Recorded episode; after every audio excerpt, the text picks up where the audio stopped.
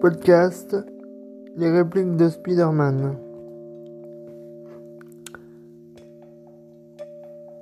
Oncle Ben, ce sont là les années où un gamin commence à se transformer en l'homme qui sera pour le reste de sa vie. Il faut pas te transformer en n'importe qui. Ce type Flash Thompson a probablement mérité ce qui lui est arrivé. Mais le fait que tu sois capable de le battre ne te donne pas le, droit de le faire. Ne, l'oublie pas. Un grand pouvoir implique de grandes responsabilités.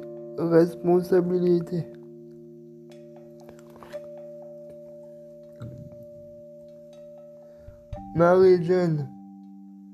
Mais qui êtes-vous Spider-Man?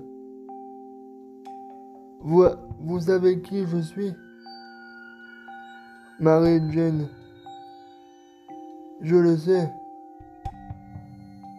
Spider-Man, votre fidèle serviteur, l'araignée.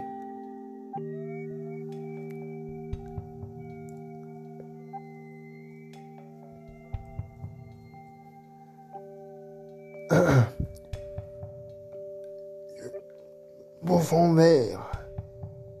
Mais il y a une chose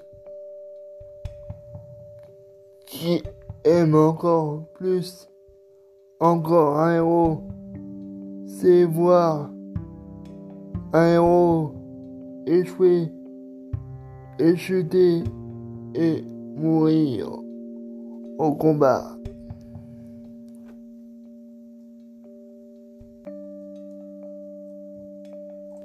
Peter, j'ai dit Spider-Man. Je lui ai dit, je lui ai dit mon pote, ce qui est génial avec MJ, c'est quand on la, c'est quand on la regarde dans les yeux. Quelle renvoie ton regard. Ton regard, les choses semblent plus tout à fait normal parce qu'on se sent plus fort et plus faible. Tout commence, on se sent. On se sent, on sait seulement quel genre d'homme on voudrait être. Et c'est comme si on venait d'accéder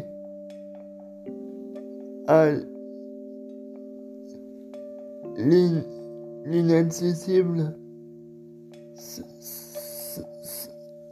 sens, même, même y être préparé.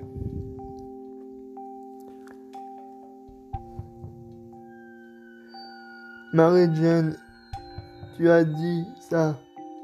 Peter, oui, à peu près ça.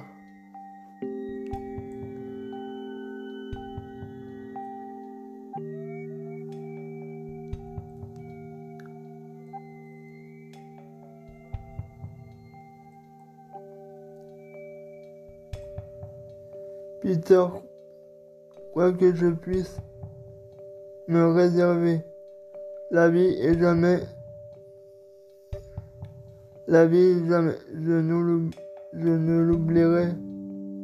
Ces mots, un grand pouvoir, indique de grande responsabilité, mais une malédiction qui je suis, je suis Spider-Man. C'était un podcast sur les dialogues de Spider-Man.